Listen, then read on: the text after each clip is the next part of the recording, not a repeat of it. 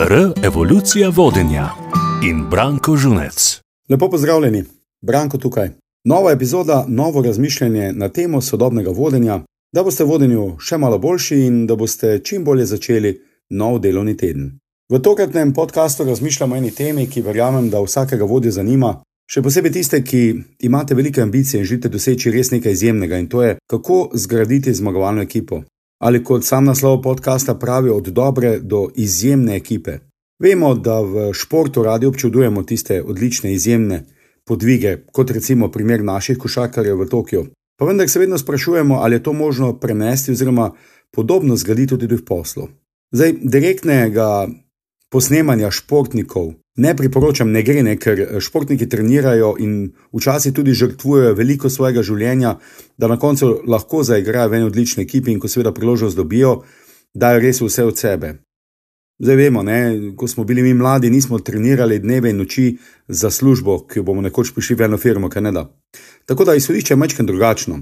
Vendar pa bom v tem podkastu razkril štiri stvari, ki pa jih lahko hitro preverite, koliko so prisotne pri vaši ekipi in že s temi štirimi stvarmi ko boste na njih nekaj naredili ali naredili korak naprej, boste naredili tudi korak naprej v izgradnji odlične ekipe.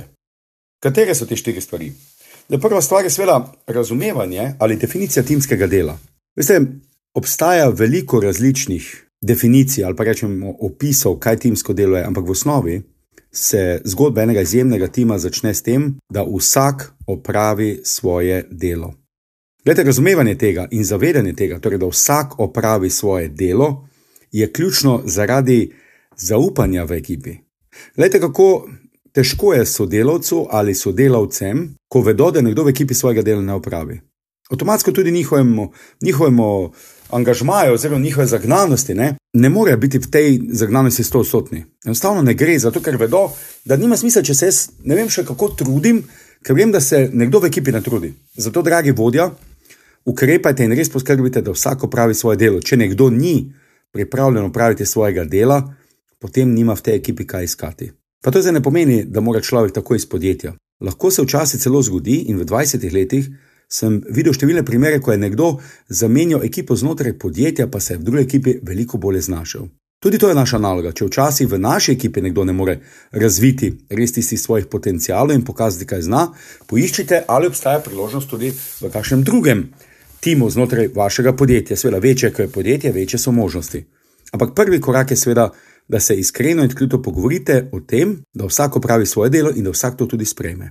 Drugi element ali druga sestavina je komunikacija. Vsakodnevna redna komunikacija, ki pripomore k temu, da se ljudje malo bolje spoznajo, malo bolje razumejo, se včasih tudi ne strinjajo in prav tako. Zato imajo vodjo, ki jih včasih z enostavnimi vodili pripelje do tega, da se znajo poslušati, da znajo biti iskreni, da prenašajo informacije v pravi obliki, da so informacije koristne. Predvsem pa gledajte, da se formalno in neformalno pogovarjate, da se čim bolje med sabo spoznate, uskladite in seveda tudi uspete. V moji novi knjigi Revolucija vodenja sem uh, vodstveno komunikacijo ne, zapisal v petem poglavju, ki je dansko osrednje poglavje knjige in v bistvu kar na 70 straneh ne, sem podal veliko primerov, kako dejansko ta komunikacija lahko poteka, tudi kateri so grehi v komunikaciji. Ampak gledajte, kratko in enostavno, vsakodnevna redna komunikacija, pa tudi občasno neformalna komunikacija, ko se ljudje malo bolj sproščenem ozračju spoznajo, pripomore k temu, da bolje, ko se poznamo, hitreje in lažje se sporazumevamo in tudi vemo, kje in kako se dopolnjujemo. In z dobro komunikacijo, ki vsebuje tudi povratno informacijo, dragi vodja, dajete tudi vsakemu sodelavcu res potrditev, da opravi svoje delo. Ne samo, da ljudje mislijo, da opravljajo svoje delo, ljudje rabijo tudi vodjo, ki jim pove, koliko so uspešni pri upravljanju tega svojega dela in to tako dolgo, dokler res ne znajo tega dela opraviti sto odstotno. Pa seveda tudi naprej je komunikacija ključna.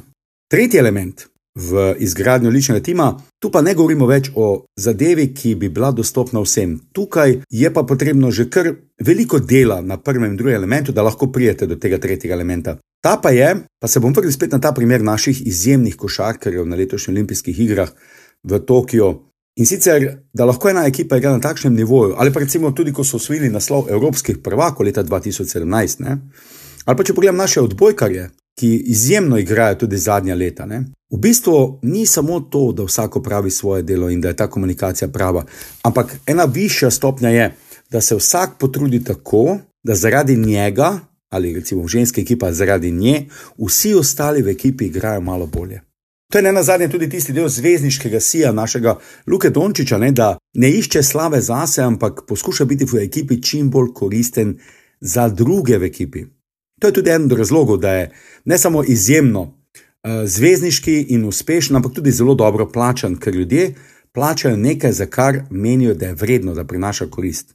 In ker smo mi v poslu, seveda, tudi vezani na zaslužek, na dobiček, na prihodke, na rezultate, boste lahko tudi v tem pogledu napredovali, ko boste dosegli zavedanje, da se vsak potrudi še malo več, da zaradi njega vsi ostali v ekipi igrajo še malo bolje.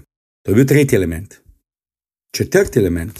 To pa je nekaj, kar je del tistega, če moramo mi v poslu rečemo enostavno proces rasti in razvoja.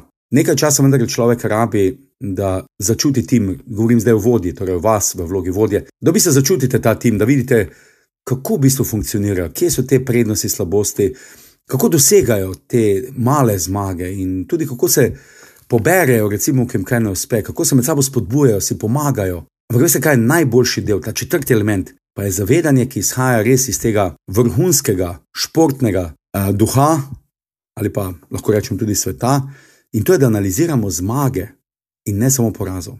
Še vedno se nam reče v poslu dogaja, da takrat, ko se nam kaj zalomi, analiziramo in obiramo do kosti. Ko pa zmagamo, pa nas zdravimo, se veselimo in to je to. Tukaj pa ponujam ravno obratno. Ko so porazi, jih analizirate hitro in se čim prej poberite, seveda z nekimi novimi spoznanji in izkušnjami, ter močnejši novim zmagam naproti. Ko pa se zgodi zmaga, si vzemite čas, Pogovorite se in analizirajte ter odkrijte zmagovalne vzorce, ki jih boste potrebovali, da boste lahko še v prihodnje ponovno zmagali in uspeli. Kajti to je tisto, kar je ključno pri izjemnih ekipah. Ko dosežejo nekaj izjemnega, analizirajo si pogledajo, recimo tekmo, ne, če primerjajo športom. In takrat na svoje oči vidijo, kako odlično so odigrali v ključnih situacijah, in to jim da spodbudo in zavedanje, da s tem ne, zavedanjem, s tem zmagovalnim duhom in miselnostjo gredo še bolj drznim podvigom oziroma ciljem naproti.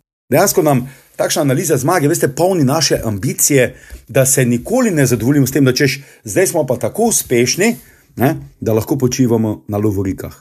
Saj vemo, kako je včasih se nam še prehitro zgodi, da se zadovoljimo z odličnimi rezultati. To je tudi ne na zadnje tema mojega prejšnjega, torej prvega primernega podcasta, ne, da nas odlični rezultati ne uspavajo, ampak nam dajo spodbudo. Spomnim se primera enega odličnega tekača, mogoče ga poznate, Michaela Johnsona, ki je vedno analiziral, ko je analiziral, seveda, samo zmagovalne teke. Takrat, ko je, ko je tekel najboljši čas, ko je postavil rekord, ko je osvojil zlato medaljo, rekel: Tiste teke sem analiziral najbolj podrobno in gledal, kje še lahko kaj izboljšam, ne vem, pri štartu, pri teku, pri tehniki, na cilju in tako dalje.